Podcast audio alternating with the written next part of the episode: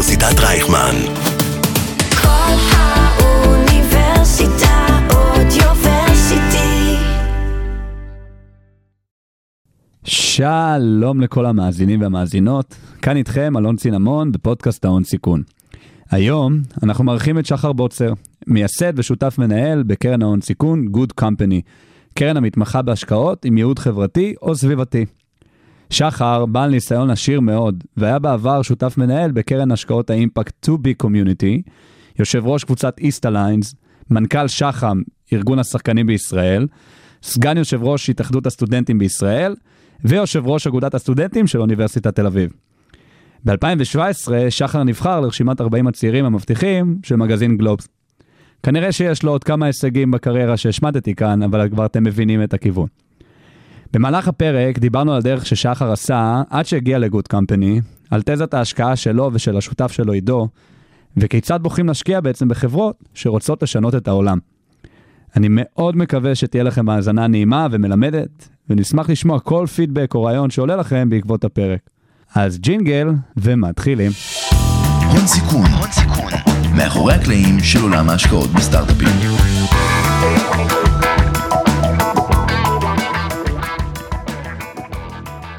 היי שחר, מה שלומך? אהלן, אהלן, מה קורה? איזה כיף שאתה פה, תודה רבה שהגעת. שהזמנת. לגמרי, לגמרי.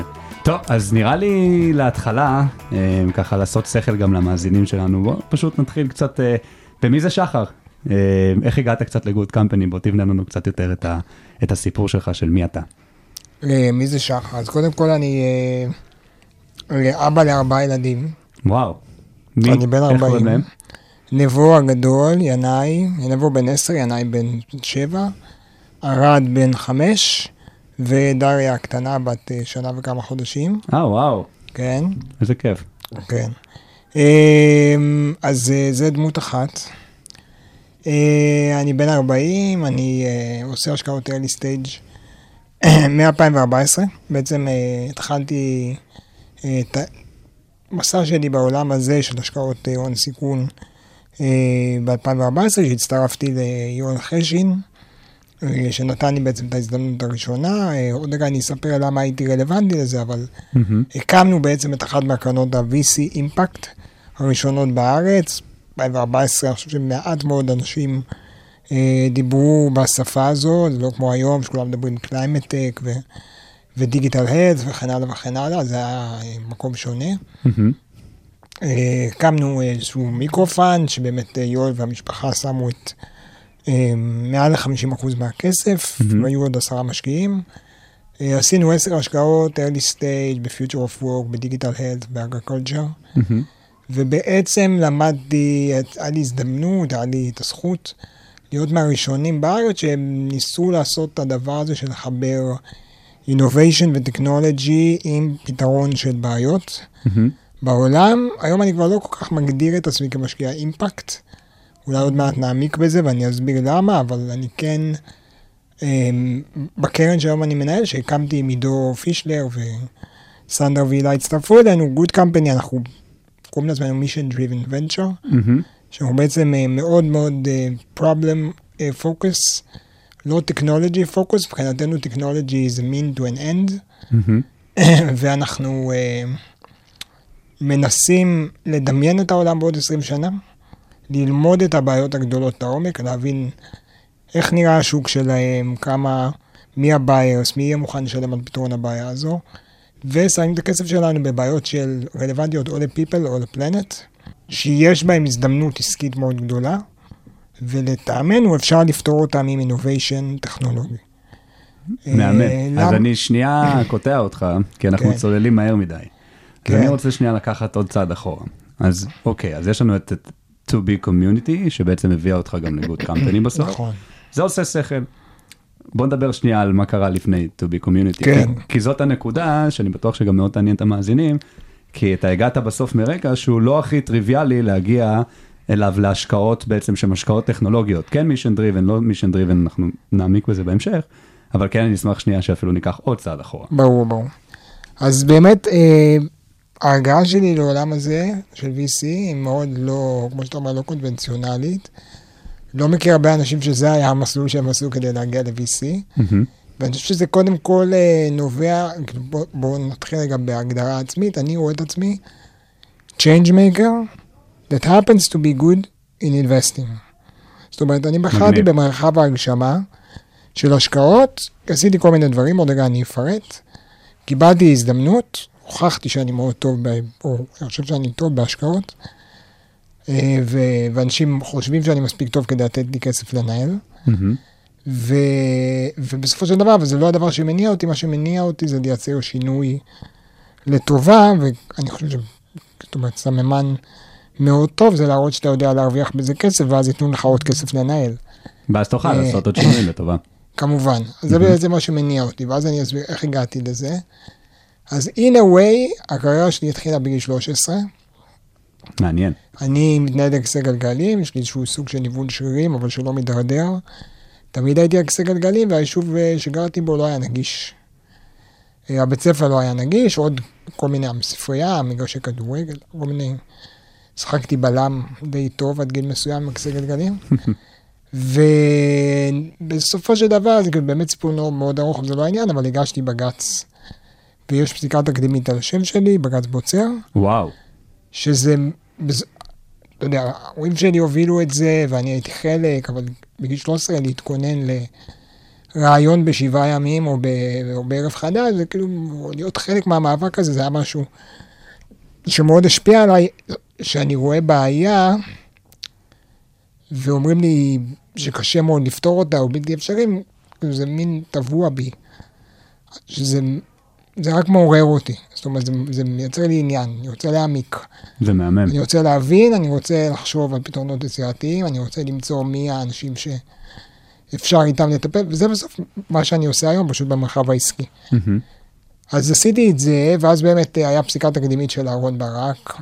בימים, כן, זה, אנחנו מצחיקים שאנחנו מדברים על זה כן. בימים אלו, לא ניכנס כרגע לשיחה על פוליטיקה, אבל אה, זה הוביל גם לזה שאני בעצם אה, אה, סיימתי באמת בבית ספר במגמת אה, מחשבים וביולוגיה, והרבה מאוד ילדים אחרים נכנסו לבתי ספר רגילים כתוצאה מזה, וואו. וגם חוקק חוק שוויון לאנשים עם מוגבלות, ואז החלטתי שאני שם את זה בצד, כי קיבלתי הזדמנות, ועכשיו אני צריך להראות מה קורה כשנותנים הזדמנות, אה, ולממש את ההבטחה, ובאמת אה, התנדבתי לצבא. צבא הייתי במחשבים, אה, לא, לא כתבתי קוד, הייתי ב-IT, ניהלתי את הצוות מחשוב של פיקוד העורף, גם קצת בקבע, תקופה קצרה. והלכתי ללמוד מאיזושהי סיבה ממש לא ברורה. זה כן משרת אותי היום, למדתי ראיית חשבון וכלכלה. אה, מעניין. ומהר מאוד נהייתי רשום ללימודים, והתחלתי להיות פעיל באגודת סטודנטים, מה- מה שנקרא אנחנו מדברים על אוניברסיטת תל אביב. אוניברסיטת תל אביב, נכון. אה, ראיתי את אגודת הסטודנטים ומשהו בבג"ץ בוצר קפץ לי. אה, נהייתי פעיל, באיזשהו שלב הייתי יושב ראש אגודת סטודנטים. על איזה גיל אנחנו מדברים? יושב ראש אגודת סטודנטים, מאמין שבאזור גיל 25, אמ, 24, 25. ו... ושם פגשתי פעם ראשונה את החיבור הזה, שבין גוף שהוא כלכלי בסופו של דבר, אז סך הכל האגודה הכי גדולה בארץ, מגלגלת כמה מיליונים, יש לה הרבה חברות בנות, שאתה דירקטור בהן, אני למדתי ראיית חשבון, כלכלה, זאת אומרת, זה מאוד דיבר אליי. מהמם. ומצד שני אתה עושה הפגנות ומאגד את המנקות ועושה אה, בלאגן, כמו שהיה, כאילו, אני אוהב לעשות. ו... ושם עברתי שלוש מיקרו-קריירות. כשסיימתי שם עברתי להיות מנכ"ל איגוד השחקנים, נשארתי בעולם החברתי. קולנוע, טלוויזיה, תיאטרון, שלוש וחצי שנים ניהלתי את, ה... וואו. את המשאים ומתנים שלהם עם אה, הוט, יס, רשת, קשת וכן הלאה. הבנתי את מגבלות העולם החברתי, זאת אומרת, מצד אחד מאוד נהניתי והאתגר היה מדהים, וגם האימפקט הוא מאוד קרוב, זאת אומרת, אתה ממש מרגיש שאתה משיג הסכמי מינימום יותר טובים, ו... זאת אומרת, אתה רואה בעיניים את ההשפעה שלך על חיים של אלפיים אנשים שאתה מייצג. מצד שני, יש הרבה מגבלות שקשה לשמר את טאלנט, קשה לבנות תוכניות לטווח ארוך, קשה באמת to scale. אה, ולמרות כל מיני פרויקטים שעשינו, הבנתי שאני צריך לנסות את המגזר העסקי. ואז היה לי הזדמנות באמת להיות מעורב בג'וב טוב, שזה חברת השמה ומיקור חוץ, מהמם. שהסטודנטים בעלים, והיה קושי מאוד גדול שם. אה, חברה שהייתי דירקטור בה, ואז בעצם קיבלתי לנהל איזשהו תהליך אה, עם הצוות המקצועי שם של אה, התייעלות מהמם. ומכירה, זה היה במשך שנתיים בערך. הם היו מאוד מרוצים, והם הציעו לי להיות יושב ראש של איסתא. שהם. היו, בזמנו הם היו בעלים של 30 אחוז, שנסחרת בבורסה, אז בוא נגיד בגיל 30 בערך, קצת אולי קצת אחרי. הייתי אה, היושב ראש הצעיר בבורסה, הנהלה מאוד חזקה, קבוצת החזקות. עשינו שם שני גיוסים המוסדיים, הגדלנו מאוד את התיק נדל"ן, אני קיבלתי את המושכות גם בנדל"ן כיושב ראש לתקופה מסוימת, כמובן אני לא, לא ניהלתי את זה, אבל הייתי יושב ראש אה, פעיל נקרא לזה, מהמם. עם צוות מדהים באיסתא, של הנהלה של 20 שנה, בית ספר למנהל עסקים באמת. אני חושב שגם הייתי מספיק חכם כדי לבוא בצניעות. זאת אומרת, הבנתי את מקומי, הבנתי שזה גם קשור לזה שאני לשעבר בסטודנטים. במקביל עשיתי עוד דברים, זאת אומרת, לא עשיתי את זה פול טיים. Mm. אה, אבל באמת, עם הזמן גם עזרתי להוביל שם עסקאות ותהליכים מאוד משמעותיים. ואז במקרה נפגשתי עם, עם ארלה, שהיה שותף של יואל, ועם יואל, ויואל נתן לי באמת את ההזדמנות, זאת אומרת, כי הוא, הוא בסוף חיפש מישהו שיש לו גם ניסיון בעולם העסקי, ועשה תהליכים של כאילו עסקאות, קנייה, מכירה, מהמם. ישב בבורדים וכן הלאה, אבל גם עם הרבה ניסיון בעולם החברתי. והתחלנו ללמוד את זה, ולמדנו את עולם האימפקט, הקמנו את הקרן, ומשם התגלגלתי. זה מאוד לא קונבנציונלי, מהמם. אבל אני חושב שדווקא זה נותן לי, זאת אומרת, הייתי כמנכ"ל בחברות רגילות, הייתי יושב ראש החברה הציבורית, הייתי בעולם החברתי, שזה ניהול שהוא בהרבה מובנים הרבה יותר קשה. מהמם. כי זה דל משאבים, lean וכן הלאה. הקמתי שתי קרנות, שזה מה שהפך אותי לדעתי למשקיע הכי... זאת אומרת, כמשקיע, הדבר שהכי השפיע עליי זה ההקמה של קרנות. מהמם. חוויתי את הצד של גיוס הכספים כאילו ראית את ובניית הצד השני. משהו מאפס.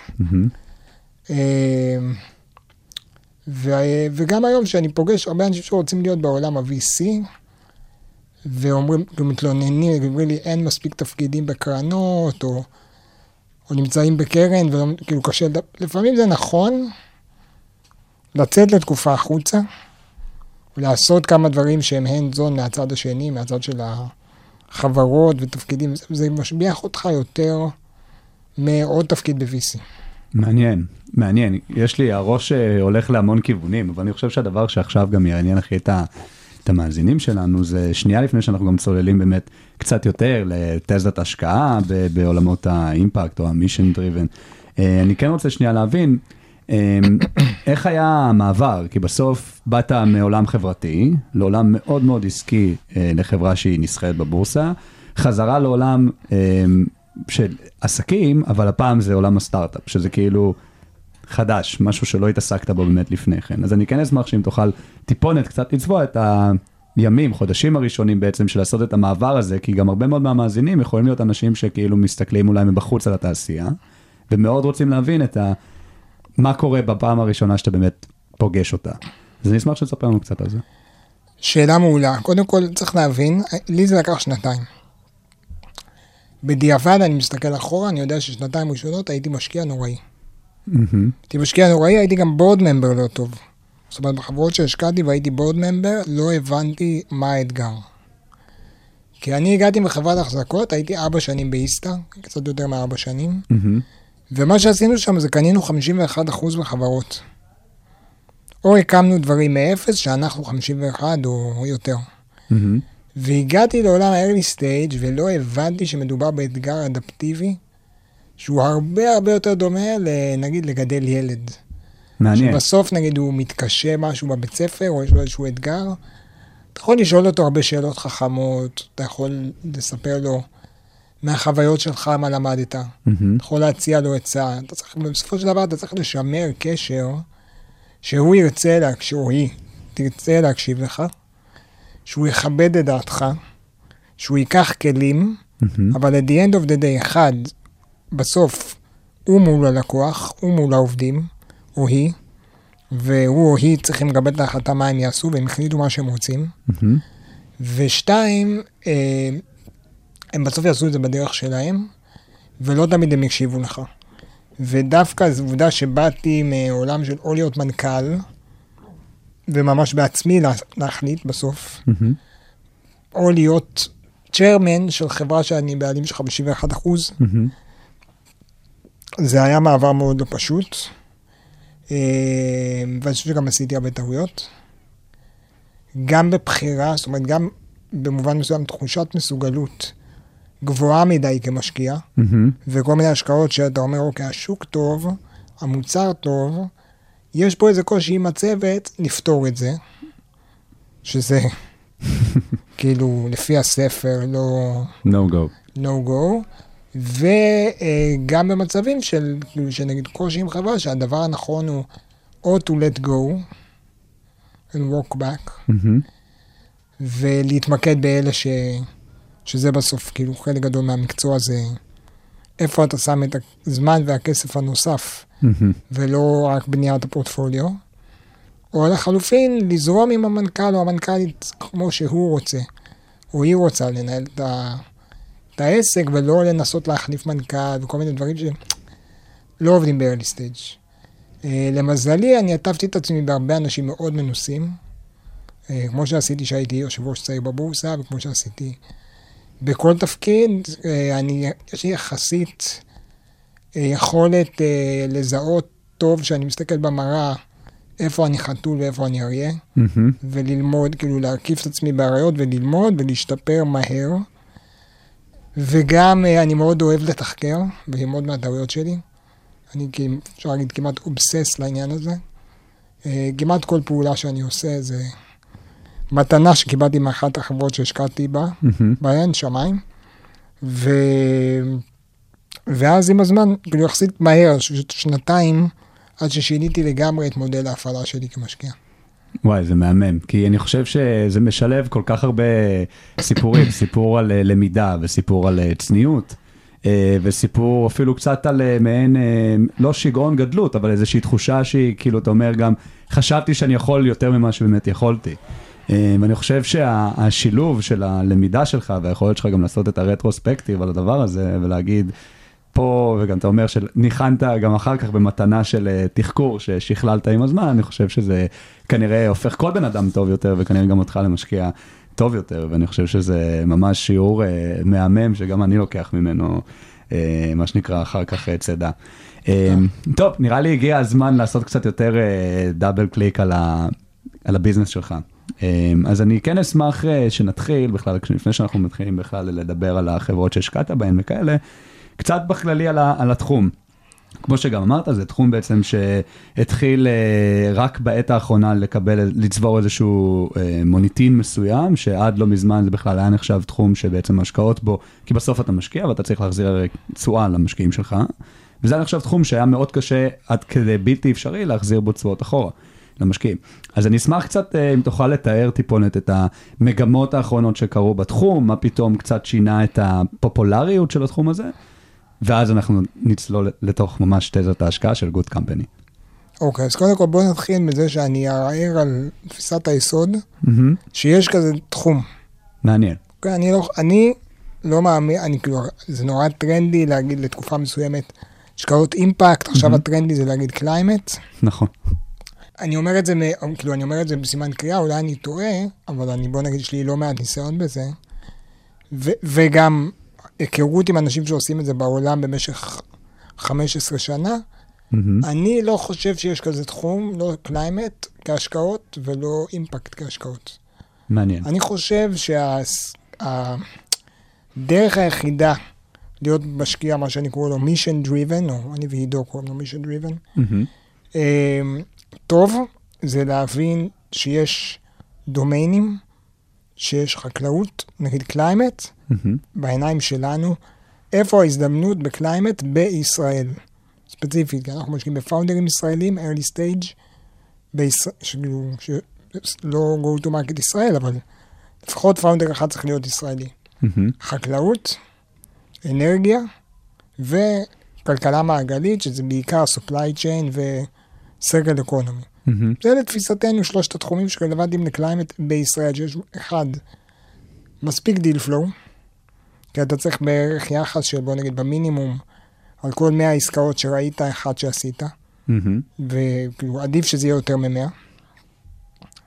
שתיים, אתה צריך לפתח מומחיות ולדעת לעזור, כי בסוף זה לא אותם לקוחות, הרבה פעמים זה לא בדיוק אותם עובדים, וזה בטח, אה, לא, כאילו זה גם לא אותם משקיעים בהכרח.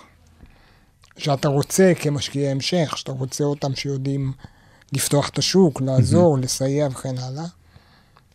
אה, ו- ואנחנו עושים גם people, ו-people מבחינתנו זה, כאילו זה education, זה future of work, וזה digital health, שאנחנו עושים רק software. אז כל הרעיון מאחורי Good Company זה מין פגישה שלי ושל עידו, שהוא טכנולוג ואני מפיננסים, ואני מה-VC אימפקט והוא מהמיינסטרים. ואנחנו נפגשים. כן, ואנחנו נפגשים כקולגות, כאילו, סתם כזה, חבר משותף שעובד אצל אריק שמיט, אה, גל הפג- הפגיש בינינו, עידו מתחיל להתעניין, הוא רואה deal flow, הוא פתאום רואה חקלאות, רואה בריאות, הוא אומר, וואלה, יש פה הזדמנות, זה מעניין. נולד לו הילד, הבן הראשון שלו נולד, הוא כזה מחפש איך אני מסביר לילד שלי מה אני עושה. שהוא יהיה גאה בי. אה, Developer Tools קצת יותר קשה להסביר לילדים. ואז הוא בא ושואל אותי, מה זה השקעות אימפקט? אתה באותו זמן ב... אני, ב- כן, ב-2B ב-2B. בשנים, כאילו שקרן כבר הייתה יותר באלוקציות של סיבובי המשך. איך אתה מגדיר? כי הוא פגש כמה אנשים, יודע, מה אתה מגדיר השקעות אימפקט? ומה שאמרתי לו, שאני חושב ששם במובן מסוים, למרות שאנחנו שנתיים עשינו due diligence אחד על השני בגדול, אמ, בגדול מה שאמרתי לו, קצת כמו מה שאני אומר לך היום על climate, עזוב אותך, בוא אני אחסוך לך שש שנים. אין כזה דבר. אתה רוצה להשקיע בבעיות שמעניינות אותך? מעניין אותך חקלאות? תתמחה בחקלאות, תלמד, תעמיק. עדיף שתבחר יותר מתחום אחד או שניים, כי אין מספיק דיל פלו לדעתי, בישראל, אולי חוץ מדיגיטל הלת, מהמם. של קרן שמתמחה בנושא אחד ספציפי. ואז תבחר את הבעיות שמעניינות אותך, ובאמת תייצר ערך ל- ליזמים, אמיתי כמו כל VC אחר. ובסוף המקצוע שלנו זה early stage VC. מה שאנחנו יודעים זה לעזור ליזמים להיות בפוקוס, להשיג את הלקוחות הראשונים הנכונים, להבין את ה-go to market הנכון ולפצח אותו, לעזור להם להביא את העובדים הראשונים, ולעזור לחבר אותם למשקיעי המשך. איך מציגים למשקיעים, איך מציגים ללקוחות, איך בונים pipeline. בוא נגיד שכשמגיעים למכירות של כמה מיליונים, אני לא בטוח שאנחנו, כאילו לרוב אנחנו נעשה איזשהו fade away איטי, ונהיה בעמדת ה... ה- ה- מי שעונה ליזם ב-11 בלילה, שהוא רוצה להתייעץ לגבי התנאים של ה-B round. כן, אבל ברמה החברית. וברגע שהבנתי את זה, אז התחלתי לראות deal flow, שבאמת יש לו פוטנציאל להשפיע על העולם לטובה. אוקיי, כי אז כל בוא... עוד דיברתי במילים של climate ואימפקט, זה לא אומר כלום ליזמים הטובים. יזמים הטובים מאוהבים בבעיה, וזה גם התזת השקעות שלנו. להתאהב בבעיות. מעניין, אז אתה כאילו אומר, מצד אחד אני כן רואה deal flow, וכמובן עם יזמים אה, שגם אולי שומעים אותנו, והם באמת באזורי אה, חיוג שאתה נמצא בהם, אז כמובן שאני מניח שגם אתה תשמח אה, לשמוע. אותם. אבל אתה אומר, אני לא עובד בגדול ככה, אני מבין מה הבעיות הכי כואבות שאני מעוניין לעזור בלפתור, ואז הולך ומחפש את החברות שלפחות שנמצאות ב- בישראל, או שיש להן איזושהי אפיליאציה לישראל, שיכולות לתת מענה איכותי גם ברמת הפתרון וגם ברמת הביזנס, אה, לאותן בעיות. אז אני תוהה, כי עוד פעם, אני מנסה קצת אולי לשבור אה, גם קצת אה, סטיגמות, או כל מיני אמירות שאומרים לפחות בתעשייה על, ה, על הז'אנר הזה, או על ה vertical הזה, או אין vertical בעצם, על ההשקעות מהסוג הזה. זה שלא בהכרח תמיד מצליחים לשמור את ה mission ואת ה business aligned. כלומר, הרבה פעמים יש איזושהי התבדרות כזאת ככל שהחברה גדלה, כי אז פתאום יש איזשהו KPI עסקי, KPI אה, משימתי, אה, שאולי קצת יכול לפזר את החברה, או להוציא אותה מפוקוס. אז אני כן אשמח שקצת תתייחס לחברות ממש שאתה בחרת להשקיע בהן, קצת יותר לתאר לנו, אולי לתת אפילו דוגמאות, אמ, על מה אהבת בחברה, איזה בעיות מצאת שהיא פותרת, למה זה עושה שכל ברמה העסקית, וכיוצא באלו. כן, אז, אז אני אגיד קודם במשפט רגע את התפיסת העולם שלנו, ואז אני אקנקרט את זה עם כמה דוגמאות מהפורטפוליו. Mm-hmm. אנחנו מגדירים בכל חברה שאנחנו משקיעים, North Star KPI, KPI כוכב הצפון, mm-hmm. שהוא uh, KPI עסקי, המרכזי, שגם יעיד על האימפקט החיובי שהחברה עושה. ואנחנו מסוגלים לעשות את זה בגלל שאנחנו משקיעים רק בחברות שהמוצר שלהם עצמו פותר בעיה. מה שהן עושות, פותר בעיה סביבתית או חברתית בעולם. לא איך הן עושות את זה, ולא למי הן עושות את זה, לא רק go to market, mm-hmm. רק מה הן עושות.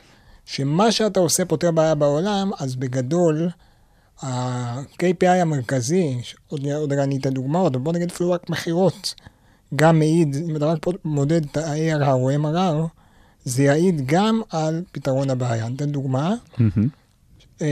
השקענו, בוא נגיד, החברות שכבר עשו follow-ons משמעותי. אה, עד היום השקענו ב-11 חברות, 7 מתוכם עשו follow-ons. Mm-hmm. ואנחנו התחלנו בגדול 21. BeeHero. BeeHero שמים IoT Devices בכוורות. אה, בארצות הברית, הם כבר המאביק הגדול ביותר בארצות הברית. יש להם אלגוריתם שיודע לנטר איקס אה, פרמטרים, לא מעט פרמטרים, ולהבין מה קורה בכוורת בזמן אמת, ואיך צריך לטפל בה. אה, בעצם הם מוכרים שירותי האבקה, ומגדילים את היבול בשדה ב-30%. הם מודדים לכמה אייקרים הם משרתים. משלמים להם פר אייקר, mm-hmm. זה מעיד על התקדמות הביזנס, זה באותה מידה מעיד גם על ההשפעה שלהם על יבול וההשפעה שלהם על הצלת דבורים. בלי בהירו, אותו דבוראי לא יודע מה קורה בכוורות שלו. יש לו 300 כוורות שהן, בוא נגיד, רדיוס של 10 שעות נסיעה. אחת מהשנייה, אין לו שמץ של מושג שכרגע כוורת X נמצאת בבעיה כי המלכה מתה. אין שום סיכוי שהוא יגיע לשם כדי לעשות משהו. זה כאילו אין פה, אני לא צריך להסביר מה האימפקט. Mm-hmm. לא צריך לנהל על זה שיחה. וגם לא צריך slide נפרד ב board, של כאילו בואו נמדוד מה האימפקט שלנו. אנחנו מגדילים יבול ועל זה משלמים לנו. אנחנו מצילים דבורים ועל זה משלמים לנו.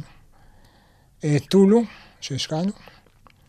Tulu הם מוכרים לבעלי בניינים גדולים. אה, בעצם הם בונים חדר שיש בו את כל ה amenities, ארגז כלים, כיסאות לאירוח, אה, שואב אבק, כל מה שפעם היית שם במחסן, mm-hmm. ומשתמש פעם ברבעון, פעם בשנה, פעם בחודש. אתה נכנס לחדר, מעביר את הפלאפון, סוחר את זה פר שעה, חצי יום, משתמש, מחזיר. עכשיו הם הגיעו למצב שבוש השקיעו בסיבוב האחרון, ומתחילים, לה, כאילו, כל מיני יצרנים מתחילים להביא להם את המכשירים בחינם, כדי שזה יהיה בחדר, כדי שיהיה להם מודל MRRי, mm-hmm. כדי שיהיה להם דאטה על ה-usage, כדי שבעתיד הם יוכלו לייצר כלים יותר עמידים, שיהיה להם עליהם הכנסה הרבה יותר גבוהה בשכירות. פחות יצוא בעולם. עוד פעם, לא צריך להסביר מה האימפקט. Healthy, אה, חברה שמסבירה לעובדים בארצות הברית מה יש להם בפוליסת ביטוח. היום עובדים בארצות הברית, יש להם PDF, 200 עמודים, שמסביר להם מה יש להם בביטוח, אין להם שמץ של מושג, אף עובד לא יודע מה יש לו בביטוח. הם יצרו מערכת, יודעת לסרוק את הפוליסות, גם לתת לעובד health navigation, עד לרמת קביעת התור, וגם לתת למעסיק את הידע, מה העובדים שלך רוצים ואין, מה העובדים שלך יש להם אבל הם לא משתמשים. Mm-hmm. פרי... ול... ולקדם הרבה preventive care.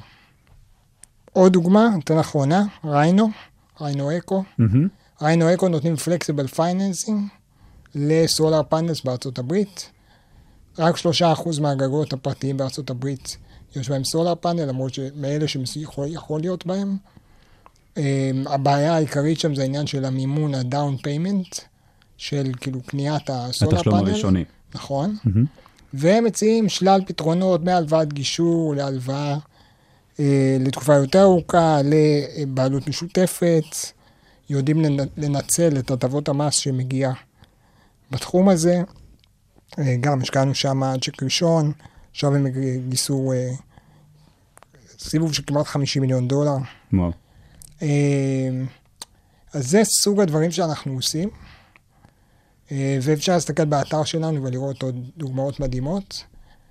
ומה שאני יודע להגיד בוודאות שאם ב-2014 חיפשתי כאלה דברים וכמעט ולא מצאתי צוותים מדהימים של second timer, של יוצאי יחידות, של אנשים שבאמת מבינים במה שהם עושים, שמקימים את זה, והיום ה deal flow מתפוצץ. ובאמת השיטת עבודה שלנו, של לבוא עם תאגידים גדולים, ללמוד את הבעיות ולהגיד, הנה מה שאנחנו מחפשים, מאפשר לנו לפגוש, בגלל שיודעים שאנחנו יודעים לקשר, ויש לנו קשרים עם מעל 30 תאגידים בתחומים שלנו, פורצ'ן 500, אז, אז באים אלינו כי אפילו ב-ideation יש לנו המון מה לתת. אם מישהו עכשיו רוצה להקים משהו באנרגיה, או רוצה להקים משהו בחקלאות, אנחנו יודעים לשים אותו מול הגופים הרלוונטיים אה, ולתת לו ערך כבר מידי מינוס אחת. מעניין מאוד. אני רוצה להתעכב איתך על זה שנייה, כי עשינו פה, עברנו על ארבע חברות פורטפוליו, כל אחת בתחום שונה לחלוטין מהתחום אה, הקודם לה. אז אני מנסה שנייה להבין איך בסוף בתור משקיע, שאני, נראה לי גם לי וגם למאזינים, ה mission, ה mission statement, של כל אחת מהחברות האלה הוא די ברור, כמו שגם אתה אמרת בעצמך, זה די obvious שככל שרמת ההיכרות שלו עובד עם פוליסת הבריאות שלו תהיה טובה יותר, ככה ייטב לו אה, וגם למעסיק שלו, וככה הוא ינצל יותר את אה, שירותי הבריאות אה, שכולם יודעים שמאוד אה, מקוטעים ושבורים בארצות הברית. ינצל אותם בשלב הטוב, זאת אומרת, הוא יגלה מוקדם וזה יעלה פחות. יגלה מוקדם, יעלה פחות וינצל במצב הטוב. אמ, אבל חזרה לשאלה, אני מנסה להבין איך מייצרים מומחיות, כי בסוף בתור משקיע, אתה צריך לדעת לבוא ולהגיד, זה תחום שהוא מספיק כואב, הפתרון הוא מספיק נכון לתחום, ואפשר לבנות ביזנס מהדבר הזה. איך עושים את זה בכל כך הרבה תחומים מגוונים אז ושונים? בסוף, בוא נגיד ככה, קודם כל יש הרבה קרנות גנרליסטיות, טובות, שמה שהן עושות זה לפגוש את היזם, לשמוע על בעיה, ואז ללכת וללמוד אותה. מהמם. אנחנו עושים הפוך. הדרך, ואנחנו בגדול עושים שישה תחומים. זה לא אומר שלא יכול להיות שנמצא סטארט-אפ mind blowing ונלמד כמו VC רגיל את עולם הבעיה שלו, אבל פרואקטיבית אנחנו פעילים בשישה תחומים. אה, שגם באמת לכל אחד מאיתנו יש חוזקה ב- יותר, כאילו כל אחד מאיתנו, למרות שנינו עושים את הכל, אבל יותר דומיננטי באחד משני הנושאים, משני התחומים, ו, ו, והדרך שבה אנחנו עושים את זה, זה שבעצם המומחיות שלנו היא באיך להקים סטארט-אפ ולהביא אותו ל product market fit. זו המומחיות שלנו. בסדר, אנחנו יודעים לעשות את ה... יזמים את המסע הזה, מרימים את השרוולים עד הכתפיים, נכנסים ל board, אנחנו מאוד נהנים להיות hands-on, מאוד נהנים לעזור, מאוד נהנים לא להתערב יותר מדי, אבל להתערב מספיק. אמ, ואת הידע בתחום אנחנו מביאים מה missions האלה שאנחנו עושים, שבכל רבעון אנחנו בוחרים איזשהו topic, ואז שאנחנו עכשיו סוקרים, לדוגמה, עם Syngenta ו Yara ושטראוס, את מהמם. עולם החקלאות, אז אנחנו יושבים איתם, אנחנו עושים את הלמידה שלנו, אומרים, לדעתנו, הדברים המעניינים ביותר הם בבעיות האלו והאלו, מה אתם מחפשים, מה אתם מתכוונים לפתח בעצמכם, מה אתם actively looking for innovation. לומדים את זה לעומק, מגדירים יחד מה מעניין אותנו, אפשר גם לראות את זה באתר שלנו בכל אחד מהתחומים. מהמם. בעצם בונים את ה-investment thesis, עם המוח שלהם אבל גם. מוציאים קול קורא, מקבלים בין 100 ל-150 סטארט-אפים שעושים אפליקיישן, אה, וואו. עוברים על זה יחד. אחרון עשינו נגיד סביב net zero. מהמם. בסדר? פירקנו את זה לאנרגיה, circle economy, carbon reduction. מהמם. עשינו את זה עם Bosch, עם AB InBev, עם Continental, עם SAP. המון ידע היה סביב השולחן. הבנו מה הם מחפשים, עם אשטרום. הוצאנו קול קורא, קיבלנו 144 applications. סרקנו כולנו יחד את ה-144 applications. רגע, רק לסבר את האוזן של המאזינים. 144 applications של חברות ישראליות בתחום. ש...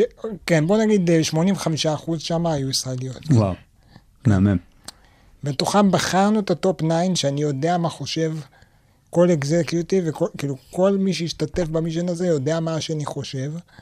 פגשנו את ה top 9 together, ביום שלם כזה שאנחנו עושים, כאילו מהבוקר עד הערב, גם showcase וגם round tables, יום שלם של bizdev, מהמם. שזה בגדול כמו due diligence מואץ. עכשיו, כשאנחנו יוצאים מכזה דבר, אנחנו מפרסמים industry report, יש לנו בגדול investment thesis לשנה קדימה, מאיפה לדעתנו ההזדמנויות ב-reaching net zero, ויש לנו גם את הקשרים עכשיו עם חמישה, שישה multinational corporate, שיש לנו את היכולת, גם בדיל שאני אראה בעוד חודש, לשאול אותם מה אתה חושב, מה דעתך. עכשיו, זה לא סתם קשר של עשיתי איתו זום של עשר דקות, סיפרתי לו מי זה גוד קמפני, אני ביליתי עם הבן אדם הזה כאילו לפחות יומיים מלאים. אה, אז זה מה שלדעתי מאפשר לנו לעשות, כאילו, להיות ג'נרליסטים כמו אחרים, אבל עדיין יותר מעמיקים, וגם אני חושב שהפאונדרים מרגישים את זה. בסוף כשאתה נפגש עם פאונדר, יש לך שעה איתו, מהמם. יש את אלה שאתה לא, כאילו, לא תמיד קובעים, אתה מכיר את זה, כאילו יש, חלק עושים סינון ב, ב, מהמצגת, חלק עובר למייל, חלק זה איזה זום של כמה דקות, כאילו, חצי שעה להבין אם זה רלוונטי או לא, ויש פגישה שאנחנו נפגשים עם סטארט-אפ, אם אתה בא כמשקיע, ואתה באמת מבין, זאת אומרת, אתה אחרי מישן כזה, אתה באמת מבין, יש לך קשרים עמוקים בחברות הגדולות בתחום החקלאות, השקעת כבר בתחום הזה. עברת דברים, אתה יושב ואומר לו, כאילו, נותן לו תובנות שהן עמוקות מהשוק ומהחוויות שעברת עם חברות שהשקעת, או חברות שראית, כאילו, ב mission יחד עם C-Level בכל מיני חברות, אז גם ה engagement עם החברה הוא מאוד מאוד שונה, כי הוא מקבל ערך, כאילו, מנהלים איתו שיחה אינטליגנטית, לא הולכים אחרי הפגישה ואומרים, טוב, בוא נלמד מה זה, כאילו, מה בעיית הדבורים בעולם. אתה מראש מגיע בעצם, זה בדיוק איזושהי גישה כזאת, שאתה כאילו, את ה... דיברנו על זה בתחילת השיחה בינינו, שהגישה שלכם היא מאוד פרואקטיבית למציאת חברות, כי אתם בעצם מבינים יחד עם השוק מה הבעיות, ואז אתם בעצם הולכים לחפש את הפתרונות לבעיות האלה, וברגע שאתם מוצאים פתרון שאתם יודעים שחיפשתם, מקליק איזה משהו כזה מאוד יפה בראש של כולם. אני מניח שפה ושם יוצא לך ולעידו להסתכל אחד על השני ולהגיד, זה נראה לי עושה שכל. יש לנו, כן, יש לנו שיטת דירוג, יש את זה להרבה קרנות, שבין 1 ל-5. שחמש זה בוא נעשה את העסקה אתמול בבוקר. אז יש מצבים כאלה שאתה פוגש חברה, שאתה פוגש את הצוות, אתה רואה שזה בול, אתה רואה שבול האנשים הרלוונטיים על המשימה, אתה רואה שבאינטנשיונליטי, יש להם סיפור מאוד מאוד טוב למה הם בחרו את מה שהם בחרו. אתה שואל אותם שאלות כי אתה מאוד בקיא וראית מלא חברות שעושות בדיוק את אותו, מנסות לתקוף בדיוק את אותה בעיה בצורה שונה. אתה מנסה להבין מהם למה דווקא אתם עושים את זה ככה, ואיך תבנות את הטכנולוגיה וכן הלאה, וקורה רגעים, זה לא קורה בכל השקעה, יש גם התאהבויות שהן לא במבט ראשון, אבל קור, גם קורים רגעים כאלה, וזה באמת ניצוצות. איזה כיף, איזה כיף. אז אנחנו מתקרבים לישורת האחרונה. אז אה, שנייה לפני הסוף, אה, אני כן רוצה שקצת נתאר את הסביבה העסקית המורכבת שנכנסנו אליה בחצי השני של 2022, וככה בצורה עקבית למה שהיה גם בתחילת 2023. אז אני כן אשמח לשמוע קצת את הטייק שלך, קצת על התעשייה, מה הולך לקרות פה קצת בחודשים, שנה הקרובה, שנתיים הקרובות, מתי אה, תעשיית הטק אה, תדע להמריא בחזרה. אה, ותתאר לנו קצת את ה... איך אתה רואה את כל הסביבה הזאת בתקופה הקרובה. כן, אז אני אגיד, אני אגיד כמה דברים לגבי זה. קודם כל אני אגיד שבעיניי בהרבה מובנים זה לא אה, תקופה קשה, זה קצת חזרה לנורמליות. זאת אומרת, בעיניי מה שהיה אנומלי יותר מ-2023, זה מה שהיה פה ב-2021. בעיניי זה היה הרבה יותר, כאילו, אנומליה, זה היה הרבה יותר אה, לא סביר, וזה היה גם הרבה יותר מסוכן, תעשיית ה-VC. אני חושב שכאילו תעשיית ה-VC, מה שקרה ב-2021, זה היה אה, דבר שכאילו אנחנו מתמוד... מעודדים איתו, עוד נתמודד איתו בהמשך, אה, והוא באמת באמת לדעתי סיכן את התעשייה. כי זה כבר הוביל כאילו כל מיני פרופילים של סיכון סיכוי, שהם לא ססטיינביליים, הם לא יחזיקו מים, ואם זה היה נמשך עוד, יש מצב שהתוצאות שהיו מגיעות בעוד כמה שנים מהקרנות, פשוט היו קובעות את התעשייה הזו.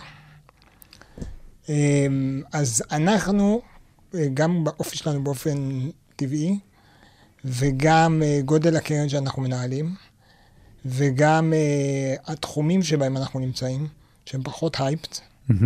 היינו מאוד מאוד disciplined למודל שלנו, שאנחנו משקיעים באזורים של, כאילו, pre, אנחנו צ'ק ראשון בחברה, עם קאפים של בין 5 ל-10, זה ה ballpark שלנו. אה, אנחנו יודעים משם להתחיל, משם לעזור, ולעזור לחברה להגיע לשווים יפים ביחס לשווי הזה. וויתרנו על השקעות, זאת אומרת, היו לנו הזדמנויות להיכנס לכל מיני חברות, שעשינו דיו דיligence, חשבנו שהן טובות, אבל הם רצו שווים שבעינינו לא היו מוצדקים, לא היו רלוונטיים. לא ראינו איך הם יעשו סיבוב אפ-ראונד משמעותי, וויתרנו. אני חושב של, של בין שלוש לארבע עסקאות לא עשינו בתקופה המשוגעת הזו. מהמם. ובמקביל היינו גם מאוד מאוד אה, ערים למה קורה, והפעלנו, באמת, אפשר לראות ששבע מתוך 11 השקעות שלנו עשו פולונס, ונמצאות עם לא מעט כסף בקופה. היחידות, היחידות שלא עשו, זה אלו שהשקענו בהן ב-2022, מהמם. וגם להם וידאנו שיהיה מספיק כסף.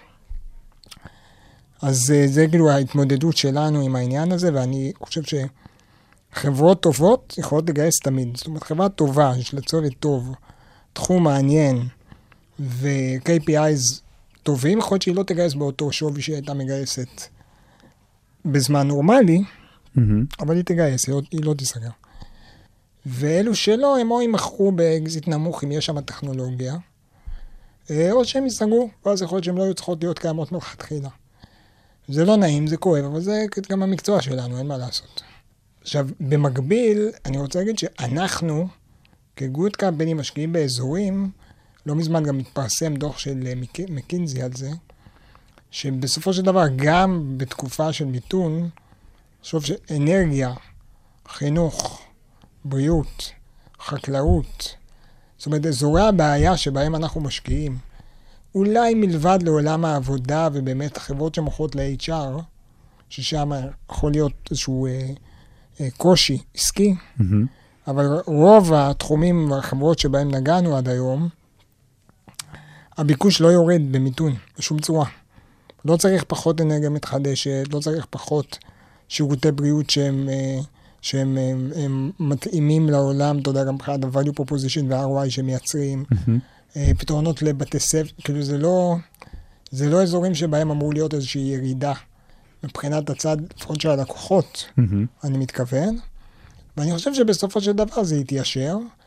אני לא בטוח שזה ייגמר באמצע או סוף 23, יכול להיות שזה יימשך קצת יותר. אני חושב שיחסית אה, יהיו, סוף השנה הזו והתחלת שנה הבאה, אני מעריך שיהיו הרבה או מחיקות או אקזיטים נמוכים. אה, ואני חושב שאנחנו צריכים לקבל את זה ב...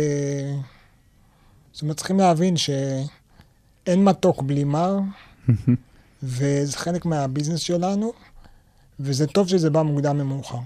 כי אם. היינו ממשיכים עם סיבובים כאלה מנופחים, בשווים שאין להם שום הצדקה כלכלית, אז שזה היה מתפוצץ עוד 6, 7, 8 שנים, זה היה הרבה יותר כואב. מעניין, זה טייק מאוד מעניין על הסיפור הזה, אה, של התעשייה עכשיו, ב- בזמננו אנו. עכשיו אני, רק כדי קצת, אולי קצת לסכם, ולתת לך ככה, לתת את מילות הסיום שלך, זה בהתאם לפרדיקציה שלך, לתחזית שלך לשוק. עכשיו, אתה בעצם אומר שהייתה איזושהי אנומליה, בעצם היה, כאילו, אתה לוקח את 2021 כמשהו שהוא כאילו, וואו, זה לא, זה, זה זר לעולם העסקים וההשקעות בסטארט-אפים, ובעצם אומר, טוב שזה קרה, אני קצת מפרש, אבל טוב שזה קרה, ה- הירידה או התיקון או המשבר, כל אחד קורא לזה קצת אחרת, כי אם זה לא היה קורה עכשיו, כשזה כן היה קורה, וזה בלתי נמנע כנראה שזה כן היה קורה, זה יכול היה בעצם להביא כמעט הרס מוחלט של האקו-סיסטם שנבנה בישראל, או בסוף אנחנו כמובן חלק מתעשייה גלובלית, אבל אתה אומר, לא רק בישראל, אני לא חושב, לא שישראל הייתה קיצונית, בוא נגיד, בטח לא ביחס למה שכבר קרה גם בארצות הברית. אה, כן, אני חושב שבסוף יש איזושהי מתמטיקה, מעניין. בהון סיכון. אה, למרות, גם דרך אגב, שמעתי, מייקל אייזנברג אמר משהו מעניין, שלא, ה- ההגדרה הון סיכון היא לא כל כך נכ- נכונה, כי venture capital זה לא בדיוק, זה כאילו, זה הון הרפתקני, או הון, אה, כן, זה יותר כאילו הסיכוי, לא הסיכון, שאנחנו מנהלים. אני חושב שכאילו בסופו של דבר אנחנו עובדים במכפילים די גבוהים על הכנסות, ולא על תוצאות עסקיות. ואני כמשקיע, ויכולים להעיד על זה אנשים שהשקעתי בהם גם ב-2016 ו-2017, אולי בגלל שאני במקור כאילו מגיע מפיננסים, אני מאוד חשוב לי לראות unit economics ש-make sense, זאת אומרת, אני לא מצפה לרווחיות, אבל ברמת gross margin, מהמם. ברמת הכלכלה, אני לא מאמין בלייצר צמיחה שהיא גם ב scale, אני לא מצליח להבין איך היא תתיישר. בסדר? יכול להיות שבגלל זה הייתי כנראה מפספס השקעה ב Uber, כנראה שגם הייתי מפספס השקעה ב Waze, כי כאילו לא הייתי מבין את המודל העסקי.